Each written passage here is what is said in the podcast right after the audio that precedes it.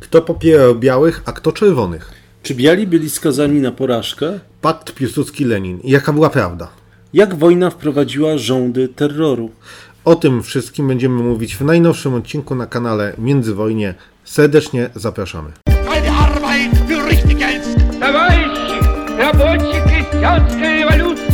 My w Polsce nie znamy pojęcia pokoju za wszelką cenę.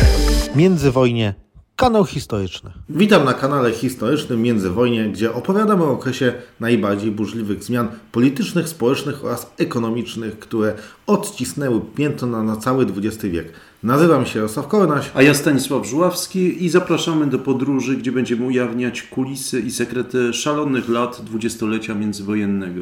Jarku, zacznijmy sobie rozmowę od e, takiego ujęcia międzynarodowego. Otóż e, chciałbym się dowiedzieć, jak wyglądało poparcie międzynarodowe dla walczących stron w tej wojnie domowej. Jak wiemy, państwa Entente oficjalnie wspierały wysiłek białych, no a Niemcy teoretycznie powinny być po stronie Lenina, no ponieważ one pociągnęły jako pierwsze za spust, ale faktycznie jak one się zapatrywały na współpracę z bolszewikami?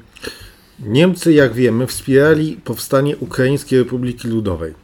Po przyjęciu władzy przez generała Skoropackiego, który dokonał puczu w kwietniu 1918 roku, Państwo to przemianowano na państwo ukraińskie i było to pod właśnie strefą wpływów niemieckich. Jednak w wyniku zmian, jakie dochodzą na froncie wschodnim i klęski Niemiec, Skoropacki zaczyna przechodzić na opcję zjednoczenia z Rosją. Nie trwało to długo, ponieważ w grudniu tego samego roku już hetman Skoropacki musi uchodzić z Kijowa w przebraniu przed wojskami Petruli.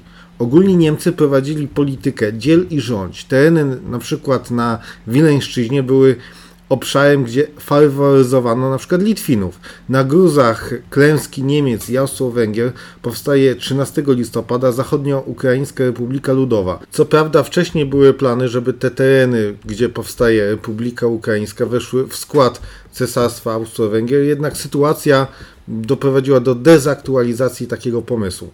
W momencie przegranej przez Niemcy i ich stopniowego wycofywania się tereny zajmowali bolszewicy. Jak chodzi o wsparcie aliantów, to kluczowe było to brytyjskie, a największym admiratorem walki z bolszewikami był Winston Churchill. Był on największym wrogiem bolszewików. Miał jednak przeciwko sobie Lloyda George'a i resztę rządu brytyjskiego, którzy już nie byli takimi przeciwnikami bolszewików, a mieli spojrzenie. Tu, tu jeszcze się wetnę na moment, bo warto pamiętać o tym, że Lloyd George, e, jak ostatnio w świetle ostatnich dokumentów, okazało się, że była wojna polsko-bolszewicka, bardzo nalegał na to, że w zasadzie liczył się z tym, że prawdopodobnie no, Polacy powinni ulec e, bolszewikom, a przynajmniej pogodzić się z ich żądaniami. Tu jednak e, tu ważne są prace Andrzeja Nowaka, który napisał taką książkę Pierwsza zdrada Zachodów i to właśnie Lloyd George był takim orędownikiem przyznania bolszewików jak największych wpływów. No to też jego stanowisko i stanowisko jego rządu doprowadzało właśnie do osłabienia wsparcia dla białych właśnie w czasie wojny domowej. A przechodząc do kolejnego kraju, to byli Francuzi, którzy wspierali białych bardzo oszczędnie. Z jednej strony byli oni przeciwnikami, nawet zagorzałymi przeciwnikami bolszewików, jednak z góry białych spisali na straty, optują za wspieraniem innych państw, na przykład Polski i stworzeniem takich państw buforowych. Tutaj mamy na myśli właśnie głównie Polskę i Rumunię. Stany Zjednoczone, podobnie jak Wielka Brytania i Francja, wysłały swoje misje wojskowe, jednak nie do końca wiedziały, czego chcą. Ich misje wojskowe wylądowały na krańcach Rosji nie angażowały się zasadniczo militarnie w walki z bolszewikami. Jednak dochodziło do pewnych walk, czego przykładem było pilnowanie jednego z odcinków kolei transsyberyjskiej przez wojska amerykańskie i robili to właśnie z korpusem czechosłowackim. Do takiego wsparcia militarnego, gdzie wojska alianckie brały udział w jakichś większych operacjach militarnych, zasadniczo nie było. A jakbyśmy tak przeszli chronologicznie i pokrótce omówili, jak chronologicznie to wyglądało, jak przebiegały te walki w wojnie domowej, kto wychodził na prowadzenie, kto przegrywał w danym momencie, tak zaczynając właśnie od samego początku, jaka była geneza w ogóle tej wojny, od czego się to zaczęło? Głównym takim terenem, gdzie, gdzie zaczęło się grupować siły antybolszewickie było południe Rosji, gdzie zorganizowano armię ochotniczą. Na przykład jednym z takich y, ważnych generałów był generał Korniłow, któremu udało się przedostać z północy Rosji właśnie tam na południe i organizował tą armię. Wynikało to z tego, że były to tereny jeszcze nie zajęte przez bolszewików, bo musimy sobie zdać sprawę, że bolszewicy operowali na tak zwanych liniach wewnętrznych, a armie białych, które w 1918 roku zaczęły się organizować, działały na tak zwanych liniach zewnętrznych. Jest to dość istotne moim zdaniem i ważne, ponieważ wpłynęło to tak naprawdę na przebieg całej wojny, i jak można zauważyć, takie ustawienie frontów doprowadziło do sprawniejszego przesyłania wojsk z jednego terenu na drugi, jeżeli chodzi o bolszewików. Bolszewicy też to jest też bardzo istotne. Oni operowali liniami kolejowymi. Biali również, ale działając po liniach wewnętrznych jest to znacznie prostsze i zresztą bolszewicy to pokazali, że można bardzo sprawnie przesyłać wojska z jednego frontu na drugi, mając y, pod kontrolą linie kolejowe. Ale jeżeli mówimy o ten okres 1918 roku i to tak pokrótce, no to wszystko to były takie bardzo chaotyczne walki. Wojska białych się dopiero organizowały, bolszewicy też organizowali swoje wojska. To nie jest tak, że oni mieli pełnią sił. I też bolszewicy mieli pewien problem. Wynikał on z tego, że oni nie mieli pod sobą wykształconej kadry oficerskiej. I oni na początku, jak przyszło co do rewolucji, no to ta, ta kadra oficerska była po prostu mordowana przez nich.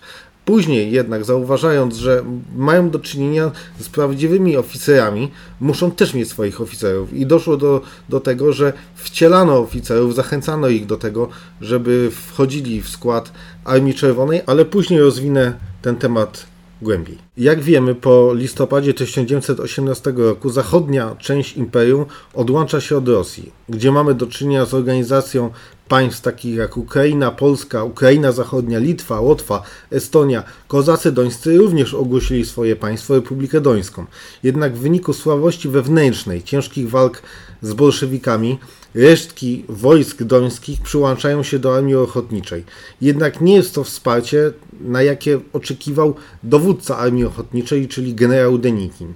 Wynika to z tego, że głównym ich celem, tych kozaków e, dońskich, kubańskich, było obrona swoich ziem przed bolszewikami, a nie angażowanie się w wielkie plany walki w imię odbudowy wielkiego imperium.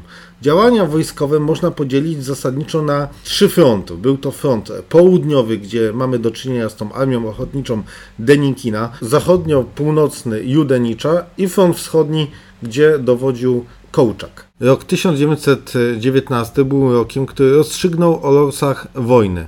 Jak wcześniej już wspomniałem, problemem białych było to, że po prostu działali na liniach zewnętrznych i też to, co jest niezwykle istotne, nie było łączności między tymi frontami, ponieważ Judenicz działając w okolicach między Estonią a Piotrogrodem nie miał łączności z wojskami Armii Ochotniczej Denikina. Denikin co prawda próbował połączyć się z wojskami Kołczaka, który działał na Syberii, ale też nie doszło do tego połączenia. I to był jeden z takich głównych, ważnych błędów walk w Armii Ochotniczej i samego Denikina, bo powiedzmy sobie szczerze, sami generałowie białych byli między sobą też skłóceni. Wrangel był skłócony z Denikinem. Oni mieli inne koncepcje przeprowadzenia ofensywy letnio-jesiennej. Wrangel chciał y, pójść bardziej na wschód, żeby połączyć się z Kołczakiem i obejść Moskwę od wschodu. Denikin miał plany, żeby zająć Ukrainę i y, uporządkować sytuację swoją na zapleczu, ale trochę wyprzedziłem, że tak powiem, fakty. Jeżeli chodzi o ułożenie też czerwonych, to oni działali właśnie po tej linii wewnętrznej i mieli też to, że mogli powoływać rekruta, który będzie im podporządkowany, ponieważ oni rekrutowali głównie ludzi z terenów zamieszkałych przez ludność rosyjską. A na przykład y, wojska Denikina miały ten problem, bo tak, byli Ukraińcy, bo zajmowali ziemię, gdzie byli Ukraińcy, gdzie byli kozacy dońscy, i to były też wojska, które można powiedzieć, że rozwodniły te elitarne jednostki armii ochotniczej, które początkowo były formowane. Też dużym problemem dla białych było to, że jak brali jeńców, to oni tych jeńców e, często włączali do swoich jednostek wojskowych, a potem na przykład ci jeńcy, którzy byli jeńcami bolszewickimi, przechodzili na drugą stronę. Ale sytuacje były też po obu stronach y, podobne. Jednym z takich początków końca to była klęska admirała Kołczaka na Syberii. Wojska Kołczaka początkowo prowadzą ofensywę, która przynosi dość spore sukcesy, jednakże kontrofensywa bolszewicka wyrzuca ich coraz bardziej na wschód i wojska zostają pobite i uciekają wzdłuż kolei transsyberyjskiej. W tym samym czasie ofensywa Denikina na jesieni zostaje zatrzymana i musi wycofywać się na południe Rosji. Problemem jest e, to przy tej ofensywie, że mm, zdaniem Wrangla siły Denikina zostały zbyt bardzo rozciągnięte, ponieważ z jednej strony ten front rozpoczynał się w okolicach obecnego Wołgogradu, czyli wtedy to się nazywało Carycynem, a po lewej stronie dochodziło to do terenów y, środkowej Ukrainy i jeszcze Denikin miał problem z tak zwaną bandą Machno, takich Nestor to byli Machno, to- tak, Nestor Machno, to byli Anarchiści. A tak, anarchiści. Udaje się dojść aż do Orła. Bolszewicy na ten rejon frontu ściągają posiłki. Osiągają znaczną przewagę, biją Denikina. Denikin musi uchodzić na południe i tak naprawdę front zatrzymuje się do zimy na południu Rosji, można powiedzieć, że na terenach wyjściowych. Jeżeli chodzi o sytuację pod Piotrogrodem, to dochodzi do ofensywy wojsk Judenicza. Judenicz, będąc już e, pod Piotrogrodem, zostaje odparty przez kontrofensywę wojsk czerwonych rozpoczętą 21 października 1919 roku. Co ciekawe, Piotrogród był spisany przez Lenina na straty. Można powiedzieć, że siłą woli Trockiego odparto ofensywę Judenicza. Wojska białych nie przecięły linii kolejowej łączącej Moskwę z Piotrogrodem i tutaj są dwie koncepcje. Jedna jest taka, że po prostu oddział, który miał to zrobić, no nie, nie udało im się pokonać czerwonych, a druga opinia jest taka, to znalazłem u y, Richarda Pipesa, że ten oficer odpowiedzialny za to po prostu nie wykonał tego polecenia. Prawdopodobnie nie zdawał sobie sprawy z tego, jak jest to ważne i istotne. Dochodzi do przeciwnatarcia wojsk y, bolszewickich i ostatecznie siły judenicze zostają wyparte na tereny Estonii i są internowane. To oznaczało koniec istnienia tego frontu. Ostatecznie Kołczak na tym froncie wschodnim zostaje wydany bolszewikom i rozstrzelany 6 lutego. Na początku 1920 roku dochodzi do kolejnych walk na froncie południowym między Denikinem a wojskami czerwonych. Sytuacja chwilowo staje się, można powiedzieć, że patowa. Wojska bolszewickie nie są w stanie przebić się przez linię białych, jednak w momencie, kiedy dochodzi do zawieszenia broni w wojnie polsko-bolszewickiej, czerwoni przesuwają jednostki, m.in. Budionnego na ten front i dochodzi do załamania frontu białych i panicznej ewakuacji z Noworosyjska.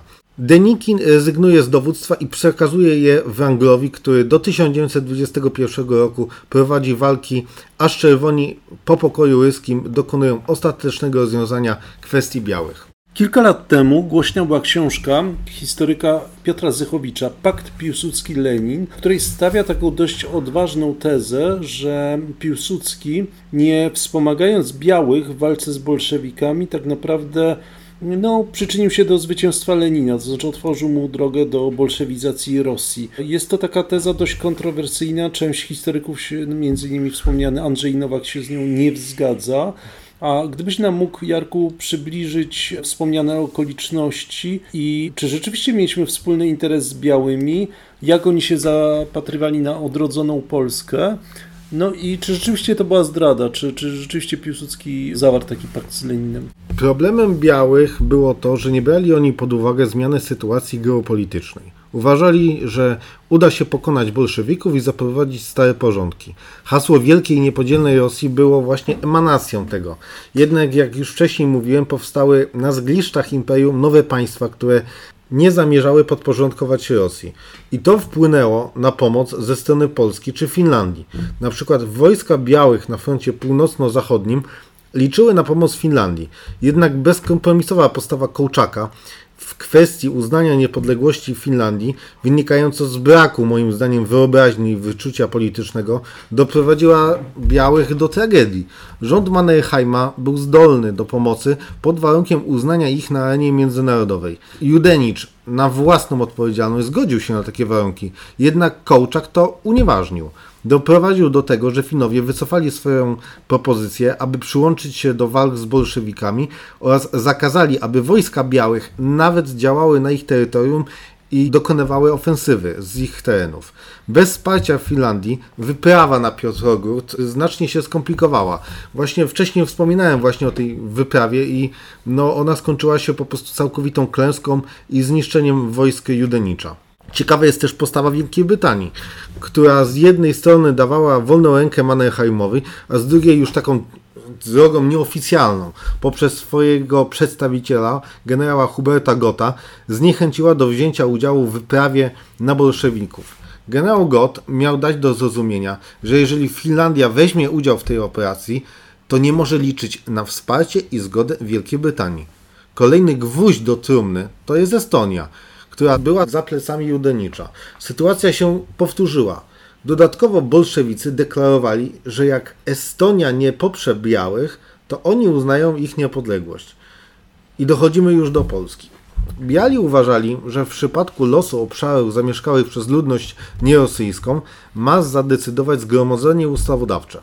Oni zasadniczo bronili się tym w jakichkolwiek rozmowach z krajami byłego imperium, to zawsze mówili, że Zgromadzenie Ustawodawcze podejmie decyzję. Biali zgadzali się nie na niepodległość Polski, ale tylko w granicach Królestwa Polskiego z 1915 roku. I tu powstała pewna kość niezgody. Niepodległa Polska miała aspiracje przedrozbiorowe, czyli tereny, które obejmują Ukrainę i Białoruś. Jednak Biała Rosja nie chciała oddać tych terenów, bo niby dlaczego miałaby to zrobić? Dla nich to były tereny nieodłącznie należące właśnie do nich. A co zrobili bolszewicy? Bolszewicy byli ustępliwi, ale o tym za chwilę. Piłsudski wysłał misję z generałem Karnickim na czele, który był byłym carskim oficerem. I wysłał tą misję pod presją właśnie aliantów. W połowie września 1919 roku pojawił się on w kwaterze Denikina w Taganrogu. Denikin w sprawie granic zasłaniał się zgromadzeniem ustawodawczym i dla Karnickiego sprawa była jasna. Piłsudski patrzył na to tak. Biali nie dają żadnych gwarancji, jest to opcja postcarska, a czerwoni nie mają takich aspiracji jak biali. Denikin nie uznaje samodzielności Polski, czyli przeciwnikiem są biali. Jednak wojna z Rosją bolszewicką jest nieunikniona. Sowieci obiecywali wszystko, granice jakie chcecie i uznanie państwowości. Tajne rozmowy z Moskwą natomiast rozpoczęły się w marcu 1919 roku. Prowadził je Julian Marchlewski i Józef Beck Jr. Negocjacje trwały aż do 26 października. Kapitan Berner powiedział do Marchlewskiego: Zależy nam, żebyście pokonali Denikina. Weźcie swoje pułki i wyślijcie przeciwko Denikinowi lub Judeniczowi. Nic wam nie zrobimy. Oczywiście nie podpisano oficjalnej umowy, ponieważ Piłsudski bał się reakcji aliantów. Jedynie co, to stanowisko Lenina wobec Ukrainy było nieugięte i nie widział innej opcji niż Sowiecka Republika. Piłsudski miał na to inny pomysł. Decyzja strony polskiej to był gwóźdź do trumny białych w czasie kampanii jesiennej. Denikin liczył na to, że na Ukrainie połączy swoje wojska z wojskami polskimi i zniszczy będącą tam 12 Armię Czerwonych. A skończyło się na tym, że 43 tysiące żołnierzy Armii Czerwonej przesunięto z frontu polskiego przeciwko Denikinowi. Zrobiono to po liniach wewnętrznych, szybko transportując właśnie koleją. Zrobiono to, można powiedzieć, że w ostatnim momencie, ponieważ wojska Denikina zbliżały się już do Moskwy. Później Tuchaczewski i Radek mówią, że uratowało to ich od klęski. Jednak jak wiemy, bolszewicy, jak uporali się z białymi, ruszyli na Polskę. Pytanie jest takie, czy nie warto było zaryzykować i wesprzeć białych? Trzeba sobie zdać sprawę, że zwycięstwo pod Moskwą przez białych nie oznaczało końca wojny. Wojna prawdopodobnie by trwała i to byłoby na rękę Polsce. Im dłużej trwa chaos w Rosji, tym więcej czasu ma Polska na przygotowanie się na ewentualną wojnę ze zwycięzcą tego konfliktu. Dodatkowo mieliśmy niestety do czynienia z też takim myśleniem życzeniowym. Otóż wydawało się nam, że zamiast białych My możemy być głównym odbiorcą wsparcia ze strony aliantów, jako taki kraj buforowy między Zachodem a bolszewicką Rosją. Jednak tak się nie ziściło. Biali popełnili zasadniczy błąd. Nie byli w stanie nic obiecać w przeciwieństwie do Lenina. Wiedział on, że opierając się na moralności rewolucyjnej, która mówiła, że w imię rewolucji można wszystko obiecać i złamać później obietnicę, bo rewolucja jest najważniejsza że zawsze można złamać dane słowo. I tak też się stało. Dobrze, czyli biali przegrali, ale w zasadzie dlaczego przegrali konkretnie i jakie były dalsze ich losy oraz dalsze losy przedstawicieli klas wyższych, burżuazji, arystokracji, ponieważ wiemy, że z jednej strony mieliśmy emigrację oczywiście, no ale z drugiej strony zdarzały się też przypadki kolaboracji z nowym reżimem. Dawniej oficerowie teraz też wywodzący się z e, warstw arystokratycznych, służyli nowemu reżimowi. Tak też się zdarzało. No i jaki też był los, bo to jest dość ciekawe, tajnej policji, ochrany. W Armii Czerwonej podczas wojny domowej przewinęło się 75 tysięcy byłych oficerów Armii Imperium Rosyjskiego, w tym 775 generałów i 1726 innych oficerów sztabowych. Najgłośniejszym nazwiskiem na liście byłych generałów jest generał Aleksiej Brusiłow, ten autor ofensywy Brusiłowa z 1916 roku. Z czego to wynikało? Można by zacytować Stalina. Kadry decydują o wszystkim. W pewnym momencie Lenin zdał sobie sprawę, że nie ma wykształconej kadry oficerskiej i dowódców, którzy mogą sprawnie prowadzić wojnę z wojskami białych, które nie były dowodzone przez jakichś wataszków, czy też y, osoby, które nie znały się na tym wachu. Muszą mieć oni również wykształcenie wojskowe, czyli muszą to być przede wszystkim oficerowie. A takimi byli carscy, którzy nie przeszli na stronę białych. Tak jak wcześniej ich mordowano jako element reakcyjny, zaproponowano im możliwość wstąpienia do Armii Czerwonej. Było to na tyle atrakcyjne dla kadry oficerskiej, że wiązało się to z możliwością raz, że życia, a dwa wyjścia z biedy. Jeżeli chodzi o ochranę, to WCK przejęła część metod y, ochrany, jednak skutecznie mm, rozbudowała, można powiedzieć, że metody czy przesłuchań, czy inwigilacji. Ale tu dodałbym, że na przykład takie metody jak tworzenie partii pozorowanych, pozorowanej opozycji, e, takie prowokacje, na przykład, że obsadzanie swoimi agentami dwóch stron konfliktu, to właśnie wpisywało się, to taki modus operandi bolszewicki był wprost przejęty właśnie z carskiej policji. Tak podsumowując, bilans tej wojny domowej był e, kolosalny. Tutaj e, rzadko się o tym wspomina, ale to były miliony ofiar. Totalna zapaść cywilizacyjna i gospodarcza głód, praktycznie zniszczenie całego kraju. I chciałbym teraz, żebyś to tak podsumował, żebyśmy mieli lepszy obraz tego, taki konkretniejszy. Jakie to były konkretnie liczby? Także jakbyś podał kwestię inflacji, no i, i różnego rodzaju wskaźników. Jak to wyglądało? Bilans wojny domowej to były 3 miliony ofiar. Dodatkowo w latach 1921-22 z głodu zginęło kolejne 2 miliony ludzi. Wojna domowa sprawiła, że ludność Rosji zmniejszyła się z 142 milionów do 132 w 1922 roku. Te 10 milionów to wypędzeni emigranci i zmarli. Sami uchodźcy to liczba 2,5 miliona. Mogę podać też inne ważne liczby. Na przykład produkcja przemysłowa w stosunku do 1913 roku spadła o 80%, a areał ziemi uprawnej stanowił tylko 60%. Ja jeszcze tutaj y, zapomniałem odpowiedzieć częściowo na poprzednie pytanie, a mianowicie jeżeli chodzi o emigrację, to mamy tutaj do czynienia z emigracją elity rosyjskiej, elity tego kraju, która miała do wyboru albo zostać zamordowana w Rosji bolszewickiej, albo uciec. I takimi krajami, takim krajem, no, gdzie bardzo duża była emigracja, to były Niemcy i to była Francja. Później na przykład doszło do takiej sytuacji, że w czasie wojny, która wybuchła, to się wojny rosyjsko-niemieckiej z 1941 roku, to potem z części tej kadry, nazwijmy to oficerskiej, tworzono jednostki. Na przykład był generał, ja teraz zapomniałem nazwisko, ten Doński. On potem został, to jest ciekawe, że on walczył przeciwko, y, jako w jednostkach białych, przeciwko bolszewikom. Potem w, on w 1919 roku wyemigrował na zachód, następnie przyłączył się do wojsk tych takich, y, które wspierały Niemców w czasie II wojny światowej i został wydany potem bolszewikom. A oni wydawali obywateli Rosji bolszewickiej, a on nigdy nie był obywatelem Rosji bolszewickiej. No ja bym dodał e, tu od siebie, że bardzo wiele tych emigrantów trafiło mm, do Paryża, no i do Berlina Monachium. W Berlinie słynna dzielnica Charlottenburg nazywana była żartobliwie Charlottengradem, ponieważ no, w większości składała się właśnie z mieszkańców byłego Imperium Cesarstwa Rosyjskiego. No i część z tych e, oficerów, zwłaszcza o tych pochodzeniu na przykład niemieckojęzycznych, czy pochodzenia niemieckiego, którzy emigrowali z e, Rosji, później zasilała taką organizację konspiracyjną, nazwane to było też białą międzynarodówką Aufbau. Ta organizacja była bardzo prężna w pierwszych latach po I wojnie światowej, współpracowała też z takimi oficerami węgierskimi.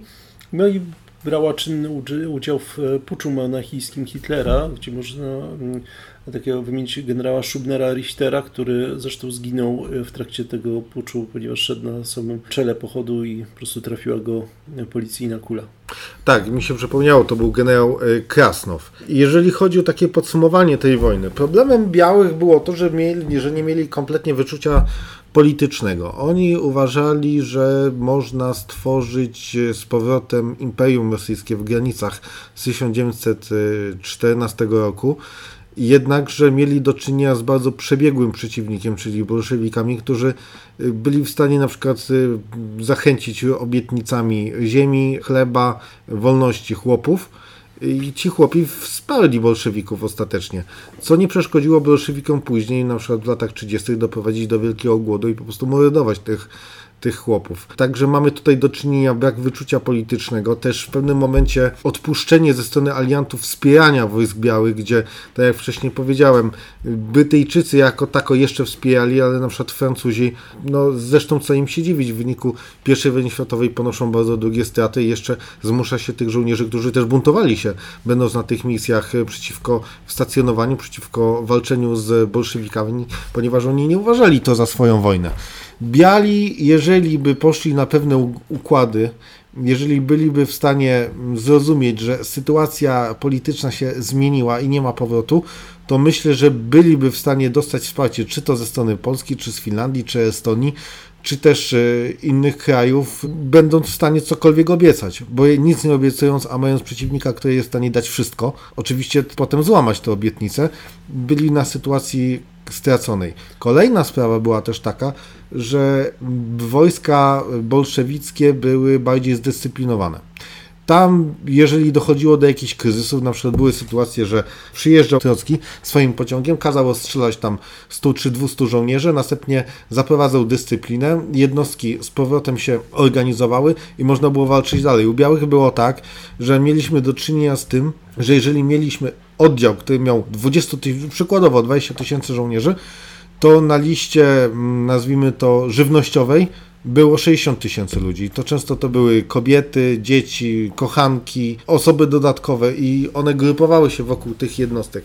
Z jednej strony nie ma się co dziwić, a z drugiej strony nie było tej dyscypliny, ciężko było zapanować nad dyscypliną. Żołnierze, którzy byli powoływani, często uciekali z tych wojsk, opuszczali te wojska. Na przykład, jeżeli dany oddział wchodził na tereny, gdzie ci żołnierze byli na przykład z danego terenu, to oni po prostu zostawiali broń i wracali z powrotem do domu chłopi nie chcieli po prostu dalej walczyć. No, można to podsumować takim stwierdzeniem, że bolszewicy okazali się sprytniejsi, bo potrafili przekuć nawet własne słabości na korzyść. Sama ta ciężka sytuacja spowodowana wojną, z taką tezą spotkałem się u Pipesa, ten komunizm wojenny doprowadził tak naprawdę do tego, że dał im oręże do wprowadzenia krwawego terroru w swoim kraju. To znaczy, dzięki temu, że mogli wytłumaczyć tą e, sytuacją wojenną, swoje kroki, taką cenzurę, terror, koncentrację władzy, to właśnie dzięki temu ta wojna grała na ich korzyść, że dzięki tej wojnie mogli zarządzać konfliktem i mogli centralizować władzę. Gdyby nie było tej sytuacji wojennej, to znacznie ciężej byłoby po pierwsze rozgrywać ludzi, obiecywać coś chłopom, ponieważ musieliby się zająć bieżącymi problemami. No tak to zbudowali aparat terroru, który później po wojnie już był gotowy i ciężko było się w jakikolwiek sposób sprzeciwić. Jeszcze bym tutaj dotknął już ostatniego motywu, a mianowicie y, hasło główne strony białych to była wielka niepodzielna Rosja i powiedzmy sobie szczerze, świadomość narodowa chłopów, bo chłopi stanowili większość y, społeczeństwa rosyjskiego, była bardzo mała i do nich to kompletnie nie trafiało, ponieważ oni nie żyli tym, że są obywatelami rosyjskimi. Dla nich liczyło się to, żeby mieć chleb, żeby móc e, przeżyć, funkcjonować, a to jakieś idee wielkiej Rosji niepodzielnej. Więc e, leninowska obietnica ziemi po prostu działała na nich jak magnes. Mniejsza o to, że później ta ziemia i tak trafiła w ręce państwa i później były przymusowe kontyngenty, kwoty i nie można było ukrywać, trzeba było sprzedawać po jednolitych cenach. No bo można powiedzieć, że my zakończyliśmy tą historię w 1921 roku, ale ta wojna cały czas trwała i to były powstania na przykład chłopskie. Także, Tylko no, już było za późno. No to już było za późno i chłopi się dość no, później zorientowali, że tak powiem, dotknęli empirycznie, czym była władza radziecka. No ale o tym będziemy mówili w kolejnych odcinkach. Dziękujemy Państwu za uwagę i zapraszamy. Do zobaczenia, do usłyszenia.